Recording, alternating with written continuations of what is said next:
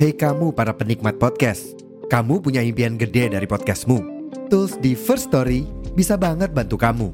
Mulai dari F-Link, Dynamic Audio Insertion, sampai statistik yang komprehensif, semua ada di First Story. Gak ketinggalan, kamu bisa monetisasi podcastmu lewat iklan dari First Story Ads yang bisa kasih kamu penghasilan dari setiap place podcastmu. Yuk gabung sekarang dengan klik di firststory.me. Sekali lagi, di firststory.me. Mari kita bawa mimpi podcastingmu menjadi kenyataan. Box to Box Media Network.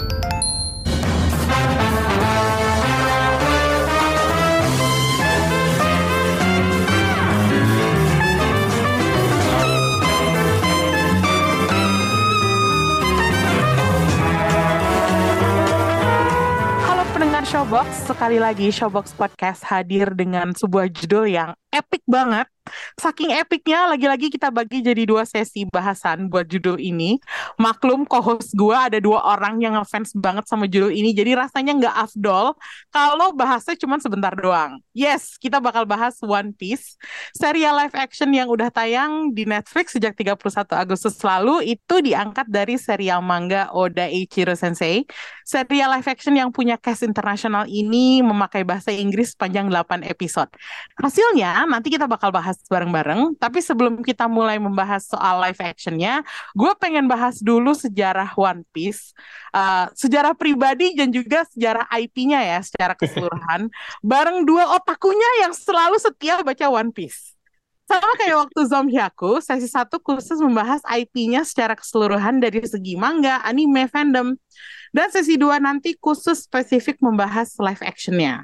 Kalau kalian gak tertarik sama salah satunya, ya udah nggak usah di play semuanya, pilih aja salah satu. Oke? Udah jelas ya cara dengerin eh, episode One Piece ini. Jadi kita mulai pembahasan kita di sesi 1 yang gua kasih judul ala Luffy, Gum Gum Talk. Actually gue mau cerita dulu nih. Um, dulu waktu gue kerja di All Film, berkali-kali sering banget gue nengok ke belakang bangku gue dan gue ngeliat Krisna lagi baca manga serius banget di komputernya gitu. Lama-lama gue penasaran kan, terus gue tanya baca apa sih Kris gitu. Terus dia jawab One Piece. Terus gue yang kayak, oh manga yang terkenal itu ya. Tapi ya udah gitu aja, nggak ada ketertarikan untuk tahu lebih lanjut. Tapi nggak taunya anak-anak ruangan sebelah alias para desainer grafis di majalah kita tercinta itu mereka juga doyan banget baca One Piece. Loyal banget gitu baca ngikutin minggu per minggu nggak bosen ya.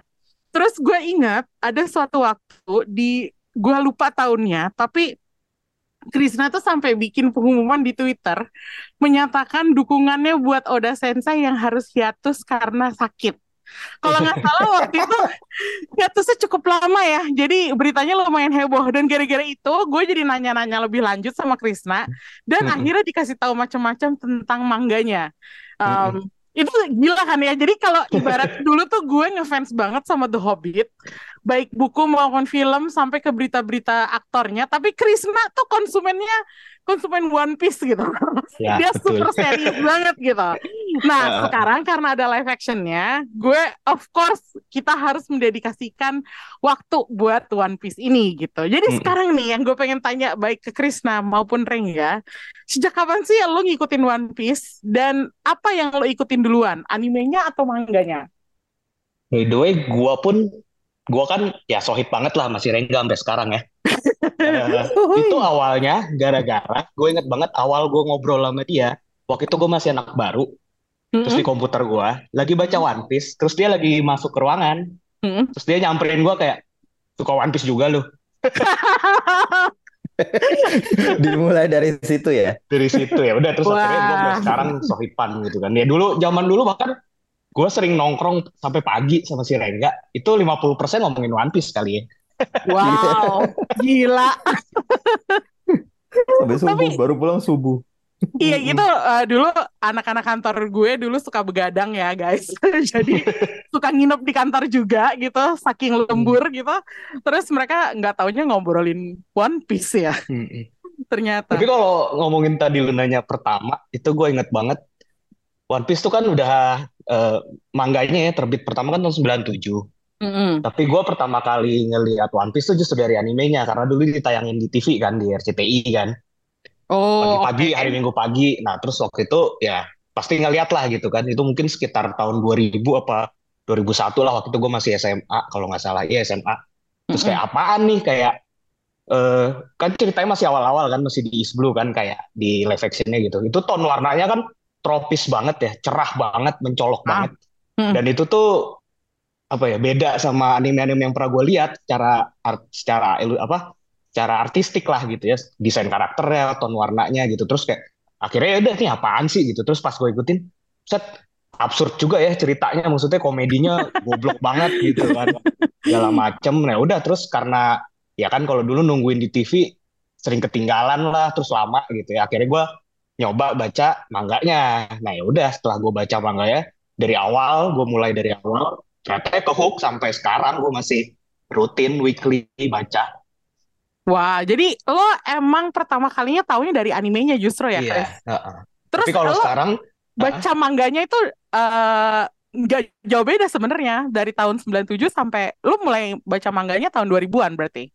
iya sekitar 2002 2001 lah sekitar tahun itu Oh, nggak kayak Iya. 10 tahun lo nunggu terus enggak Baca mangganya masih gitu. masih deket lah ya tapi ya kalau sekarang bisa dibilang rutin baca mangganya maksudnya kalau nonton anime itu gue cuma sesekali aja nengok kalau gue tahu di animenya tuh lagi episode yang ada adegan penting lah gitu gue pengen lihat aja di adaptasinya kayak gimana gitu jadi sebenarnya gue yang rutin Oh. masih mangganya aja Oke. Hmm. Nah, sekarang gantian ke Rengga. Apakah sama pengalamannya sama Krisna atau beda? Eh, beda. Oke. Karena saya kan sudah ini ya, wibu sejar sedari dini ya. Jadi, udah udah banyak inilah. Dulu membaca ini, saya pembaca setia Animonster. Oh, oke. Jadi banyak banyak dapat inilah info-info komik eh, apa manga dan anime terbaru gitulah.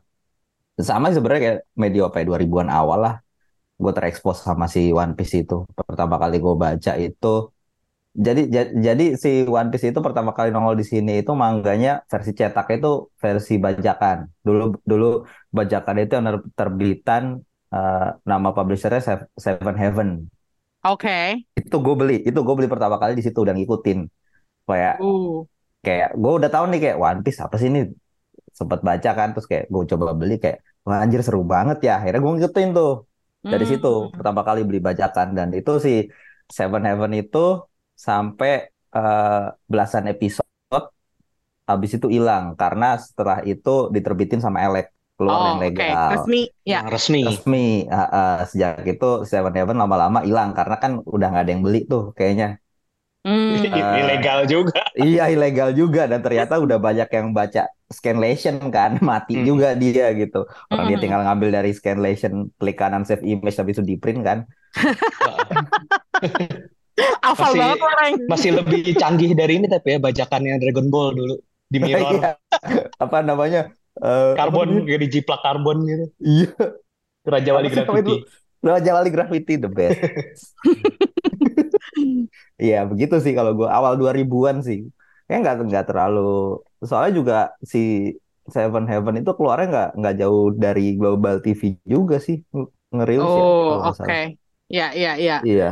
Tapi apa sih yang bikin lo tertarik sama One Piece pertama kali? Apa ilustrasinya? Kayak Krisna tadi yang bilang gambarnya kayak cerah banget, tropical banget suasananya, atau ceritanya yang absurd, atau tema pirates-nya? Apa yang bikin lo melirik judul itu dan memilih untuk membaca itu gitu? Apa ya kalau kalau gue sih ya kan gue baca mangganya ya jujur gue Hmm. nggak terlalu non- nggak ngikutin nggak terlalu ngikutin animenya karena gue sangat Oke. membaca mangganya kan Mm-mm. Ya. pada zaman itu tuh kayak ada ada tiga ini kan tiga tiga trio lah tiga trio Jump Bleach Mm-mm. Naruto sama uh, One Piece gue Mm-mm. baca tiga tiganya tapi Hmm. di antara tiga itu apa ya uh, penggambarannya itu yang paling aneh emang si One Piece ini buat gue Paling ya absurd, paling Paling- absurd ya. paling absurd gitu karakternya itu bukan tipikal apa ya bukan tipikal shonen Sonen ya manga sebenarnya Mm-mm. lebih ke gags lebih ke kayak lucu-lucuan karakternya gambarnya Oh. gitu tapi ternyata justru bisa jadi seru banget gitu karena nggak ada apa penggambaran karakter itu nggak ada batasan gitu. Kalau Naruto Hmm. kan masih kayak kelihatan realis gitu ya, Bleach juga gitu. Hmm. Tapi begitu lo masuk ke One Piece tuh kayak karakter ada yang gede, ada yang kecil gitu, ada yang lebar, panjang gitu. Tuh kayak ah, ini imajinasinya nggak ada batasnya gitu. Itu yang bikin gua suka sebenarnya. Dan ceritanya juga ternyata makin lama makin kompleks gitu, makin berkembang gitu. Emosi Oh. mulai dari mulai dari apa ya? Sisi emosionalnya dapat, adventure-nya dapat gitu, imajinatifnya dapat gitu kayak ya paket lengkap lah di situ ngebuat gua. Oke. Krisna, apakah juga membaca Naruto dan Bleach? Seperti yang ba- Rengga bilang tadi. baca kalau Bleach gue berhenti di nggak nggak nggak sampai selesai lah. Kalau Naruto gue ngikutin sampai selesai juga dan ya Sampai gitu awal ah Sampai Apa? Boruto. Sampai Eh, Boruto Boruto. nggak? Naruto aja. Saya tidak kuat baca Boruto di awal-awal. Langsung nyerah. Iya kalau kalau gue juga ya terus akhirnya dulu kayak awal-awal gue masih menilai antara Naruto dan One Piece tuh se- seimbang gitu setara di awal-awal ya.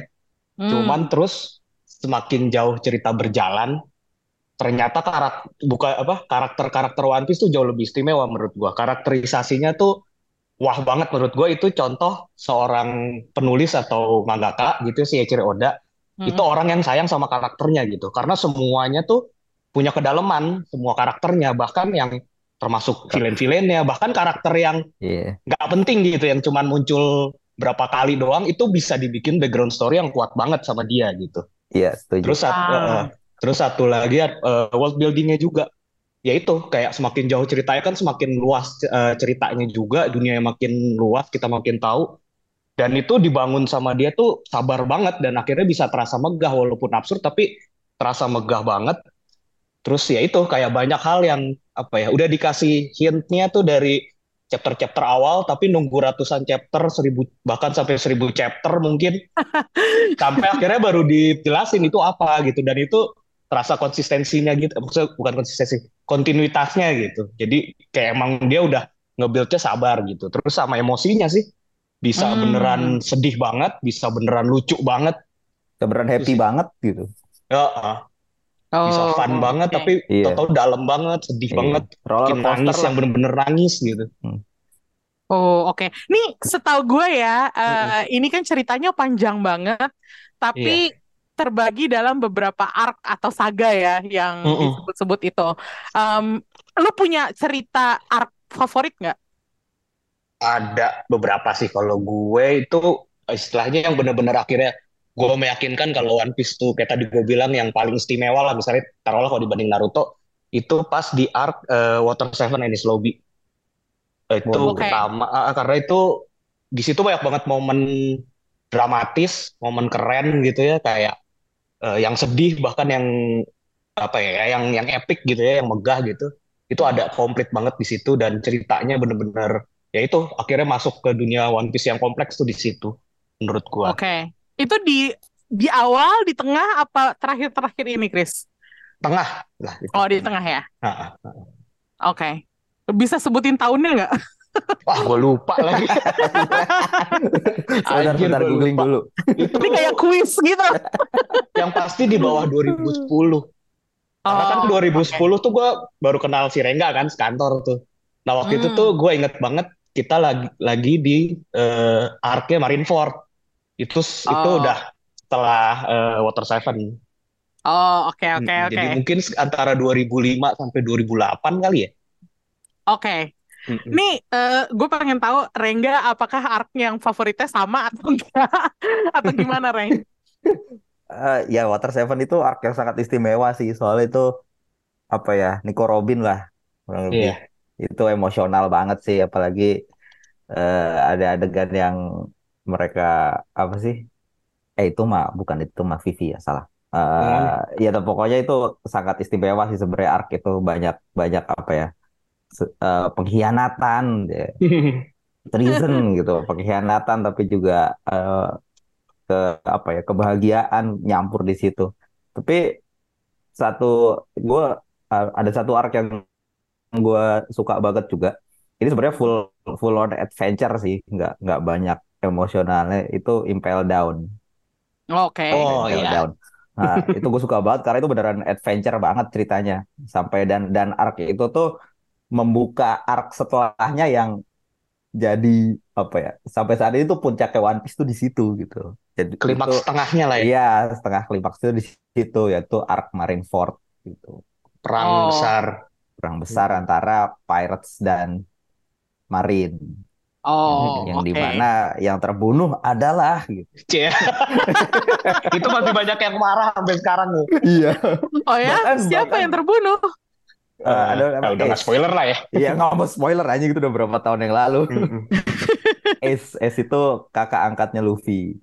Oh, oke. Eh, bahkan bahkan gue sempet membaca kayaknya di beberapa wawancara si Odachi sendiri nyesel bunuh dia.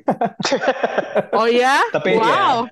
Tapi itu buat kepentingan cerita masuk akal Sangat. banget sih dia Masuk mati. akal banget sebenarnya untuk kepentingan cerita. Iya, tapi banyak yang nggak suka, banyak yang marah, bahkan udah sensei sendiri ada sedikit Penyesalan. penyesalan kenapa dia harus dibunuh gitu. Fansnya banyak banget soalnya itu dulu. Iya. tuh keren emang.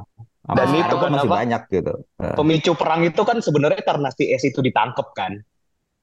Hmm. Dan dia kan kelo, apa ya bagian dari kelompok bajak laut terkuat saat itulah eh, Oke. Whitebeard Pirates. Nah jadi kayak perangnya udah bisa-bisa tuh ujung-ujungnya dia mati. Padahal buat nyelamatin dia gitu. Iya. Kan jadi kayak buat apa gitu. Emang ternyata One Piece tuh gejolaknya banyak banget ya. Kayak- itu tadi yang itu yang di Water Seven endingnya Water Seven is Lobby itu endingnya ini Ren kan eh, Going Merry pemakaman Going Oh Merry kan. iya, waduh itu sedih banget. itu. Kapal kapalnya si Going Merry itu hancur, bukan hancur sih dia. Kayak Sudah tidak bisa dilanjutkan lah. Iya, rusak karena parah. Jadi kayak Oh Apa my namanya? God. apa Wow. namanya eh, kayunya, kayu utamanya itu udah hancur. Heeh. Jadi dia udah nggak bisa berlayar aja. lagi. Akhirnya dia dibakar terus ditenggelamkan di tengah laut. pemakaman ala Viking gitu lah. Iya, dibakar. Terus jadi kalau di One Piece itu ada ada kayak eh, semacam apa ya? Semacam bukan mitos ya? Apa ya? Taha- bukan tahayul juga ya. Iya mitos mitos bener. Mitos kalau si Mitos mereka. kalau eh, kalau kapal itu emang punya punya apa ya? Punya roh gitu. Soul. Nam- Soul Oh, gitu. ya punya jiwa gitu ya. eh, namanya tuh kayak eh, apa ya? Klabauterman namanya si Hmm. rohnya itu. Semua kapal tuh punya itu dan terakhir pas pas si Mary-nya itu dibakar, pas Hmm. tenggelam dia tuh ngomong ke semua kru Mugiwara gitu. Makasih ya. Maaf aku cuma bisa bertahan sampai di sini. Aduh gue nangis. Aku dengerinnya aja pengen nangis, bro. Iya itu Iya, dan itu itu yang bisa ngedenger cuman si kelompok eh Hat. Iya, cuma topi jerami doang bisa Oh. bisa denger itu gitu. Itu kayak Wah. cuman simple cuman makasih udah cuman sampai si- so- maaf cuman sampai sini gitu ya kayak Iya. sangat menyenangkan perjalanannya udah gitu doang. Wah, gue tiba-tiba lagi, berkaca-kaca, men. Padahal cuma ngobrolin doang, gue nonton belum, baca belum, gitu. Em, Oke, nih lo tadi udah ceritain banyak banget tentang arc-arc Mm-mm. favorit lo, tapi sekarang gue Mm-mm. pengen tanya, apakah lo punya karakter favorit dari sekian banyak karakter yang Banyak banget. Banyak Iya, banget sih lah. banyak banget. Nah, lo Gua- boleh deh sebutin tiga misalnya. Gua gua lima deh, gua udah nyiapin lima. Ah, baiklah. Siapa aja Chris? Keluarkan. Bagi the Clown, Oh, oke. terus Marco the Phoenix, terus ada Bartolomeo Kuma, terus ada Nico Robin, Oke. terus ada Edward Newgate itu komandannya si Ace yang ikut mati juga di yang tadi kita bahas. Oh, oke. Itu Begitu. Clown, Yang- by the way, emang keren itu. Karena dari, dari live actionnya gue aja udah suka gitu. Aduh, bagi itu bajingan sebenarnya. itu itu gua nggak tahu dia itu hoki atau apes ya kombinasi Oh. keduanya dia tuh makin ke belakang Iya. makin apa ya kagak kagak jago juga sih gitu gitu ya tetap blow on Iya. tapi bakal jadi penting banget banget sih di cerita Heeh. Oh, oke oke. Berarti itu tadi limanya Krisna ya. iya Kalau lo Reng ada berapa karakter favorit? Aduh, gue sebenarnya gue banyak banget sih sebenarnya karena saking banyak tuh gue tidak bisa mengurutkan ini ya karakter mana favorit mana gitu. Soalnya kadang tiap kali kayak ada cerita baru nih tiba-tiba iya ada sih satu karakter nongol. Ah, tiba-tiba anjing yang favorit gue nih gitu terus tiba-tiba suka iringnya berjalan waktu tiba-tiba kayak satu karakter lagi ah nih favorit gue yang baru nih gitu jadi kayak Atau ini, atau kayak Kayak karakter gitu. lama, tapi terus baru muncul lagi dan baru dikasih background story. Anjing ternyata keren gitu. iya bener Oh, yang, gitu. yang yang tadinya kayak biasa aja nih tiba-tiba dia Iya. nongol lagi terus kayak anjing background karakternya ternyata kayak gini ya terus dia jadi terlihat keren banget gitu gara-gara itu Dan itu bagi, Oh. kalau buat gue bagi itu. Di Oh, awal gitu. kan apaan sih ini blow on banget gitu kan. Terus kok muncul lagi, muncul lagi nih. Terus kayak ternyata dia banyak berhubungan dengan uh, hal-hal besar di masa lalu gitu kan. Lah, penting ternyata. Oh, oke. Gue sebenarnya tertarik dari cerita lo kemarin yang lo sebut bahwa eh, di live action kok serius banget, tapi di komiknya tuh blow on banget, yaitu kakeknya Luffy yang Oh, si Garp Garp. ya. Garp. ha-ha. Hmm. Iya, iya. Terus gue merasa apakah semua karakter One Piece kebanyakan blow on atau gimana Eh, gitu? nggak semuanya sih. Kayak kalau di Straw Hat aja gitu kan ada Nico Robin yang jenius gitu kan, yang eh, Mm-mm. arkeolog cerdas gitu. Terus kayak Sanji itu kan sebenarnya juga eh, apa ya, tactical banget, jenius banget. Makanya kalau di cerita arc-arcnya One Piece tuh Sanji sering menghilang sendiri gitu. Karena dia udah nge-plot sesuatu sendiri gitu yang menurut dia itu bakal pen- apa bisa apa ya membantu memenangkan pertarungan lah gitu. Sebenarnya nggak Oh. semuanya blow on sih, cuman ya karena emang tonnya komedinya lumayan absurd ya. Biasanya emang setiap karakter penting tuh punya ciri khas yang apa ya, yang yang menonjol tuh blow apa aneh gitu. Kayak misalnya si Hmm. siapa? Garp tuh sering ketiduran kalau lagi ngomong. bahkan lagi Hmm. berantemnya terus kayak- ketiduran dia Eh, eh, pas lagi berantemnya ketiduran. ya tapi untungnya dia kuat banget gitu kan. Terus kayak Zoro yang nggak nggak bisa di dalam rumahnya bisa nyasar gitu. Hmm, Itu bahkan oke. sampai villain yang paling serem pun pasti punya karakteristik aneh kayak gitu. Oke. masing-masing gitu. Ah, oke oke. Gue sekarang jadi mulai paham kenapa lo berdua suka banget sama One Piece gitu. Um, nih sedikit menyentuh live actionnya se- sebentar ya. Um, yang di Netflix itu ngikutin cerita manga atau animenya dari mana ya, Chris? Itu dari awal banget atau dari tengah-tengah atau dari mana sih? Awal banget itu. Origin story gitu ya? Iya, awal banget emang epi, apa kayak episode satunya tuh sama dan kayak sama kayak chapter satunya. Emang Hmm. dimulai dari si Luffy ketemu Kobe dan Alvida. Oh, emang itu memang selalu dimulai kayak gitu ya? Maksudnya Iya, dari anime pun kayak gitu. Iya, Terus eh, ya oke, sekarang live actionnya juga kayak gini. dengan sedikit modifikasi tapi ya buat ini kan merang apa meringkas jadi 8 episode kan pasti butuh modifikasi ya. Cuman Ya, secara betul. garis besar alurnya sama urutan urutan bergabungnya Straw Hat tuh sama. Oh, Hmm. oke. Bahkan sampai itunya aja di ngikutin bener-bener setia sama materi aslinya dong. Iya. Kalau Hmm. itunya lu- lumayan sih. Oke, nih ini ya lo berdua kan dari tadi cerita udah macem-macem banget ya. Gue aja dengerinnya Mm-mm. sampai kayak, nih gue harus mulai dari mana nih? kayak kalau newbie kayak gue baru nonton One Piece dari serial Netflix, terus mau masuk ke either manga atau anime, itu gimana caranya? Apa yang bakal lo rekomendasiin duluan? Karena jujur aja intimidating banget ngelihat panjangnya serial ini dari baik manga maupun anime, Chris. Mm-mm. Eh, kalau kalau menurut gua sih ya jelas materi aslinya lah ya manga karena Mm. animenya sih juga menurut gua kadang apa ya ya namanya med- beda medium kan.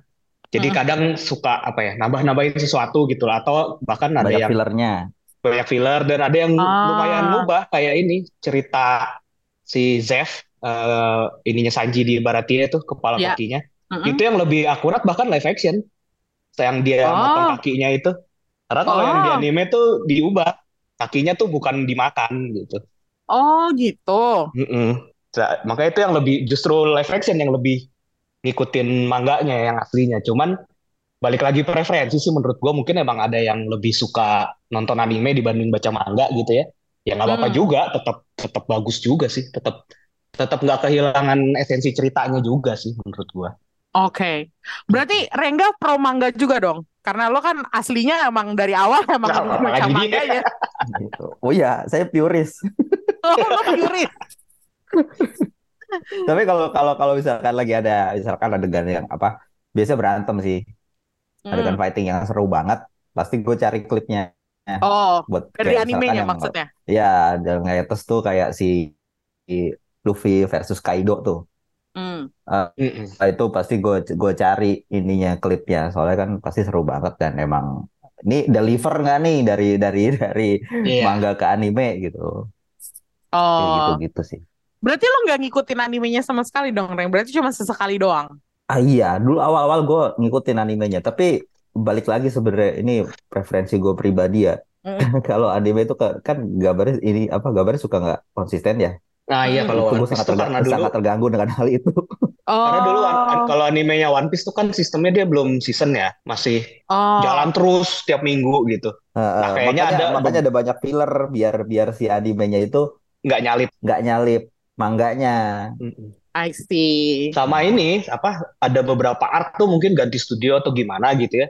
Tiba-tiba konsistensi gambarnya tuh berubah gitu loh. iya. Gitu Eh, eh, jadi kayak tiba-tiba jadi lebih jelek atau gimana gitu. Nggak ya sementara kan kalau di manga kita nggak bakal nemuin itu kan. Selalu Oda sendiri yang kerjain gitu kan. By the way, gue pengen tahu deh evolusi gambarnya Oda Sensei itu gimana ya? Apalagi dari segi ilustrasi gitu. Misalnya, apakah dia dari dulu sampai sekarang gambarnya konsisten tetap sama gayanya atau ada sedikit perubahan? Soalnya kadang-kadang ya, gue Ah. kalau misalnya baca manga tuh yang dulunya mukanya bulat-bulat, tiba-tiba ke, makin ke sini mukanya makin tirus gitu.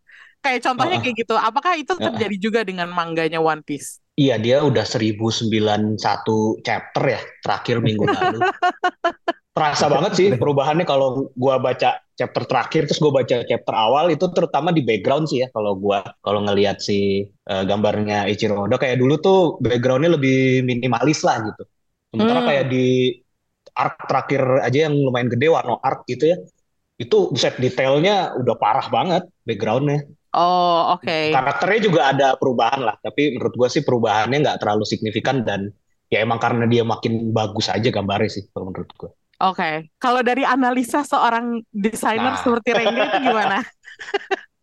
ya dia udah menggambar One Piece ini berapa 25 tahun ya Hmm. jadi evolusi itu juga eh iya 25 dong 25 ya ya 25 Eh, evolusinya berasa banget sebenarnya kalau lu bandingin dari chapter 1 sampai chapter terakhir gitu ya.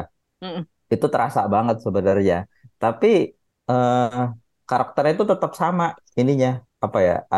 ada sesuatu yang sama di tiap karakter itu walaupun gambar itu be- beda banget dari dulu sampai sekarang. Dan khasnya ketik gitu ya. ciri khasnya. ha-ha. Dan ketika lu ngebaca itu dari awal sampai akhir itu tuh nggak nggak terasa Hmm. ngalir aja gitu loh. Jadi nggak yang beda. Kok beda sih gambarnya nggak gitu gitu. Tapi kayak ya udah ngalir aja dari chapter dulu sampai sekarang. Nggak ada yang nggak ada yang protes juga gitu.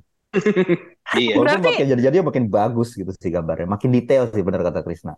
Berarti kalau lo merasa misalnya mangganya sedikit berubah, karena ya namanya juga eh, seorang kreator pasti berevolusi ya, Hmm. Eh, lebih nggak ganggu di manga daripada di anime gitu ya, Reng. Iya.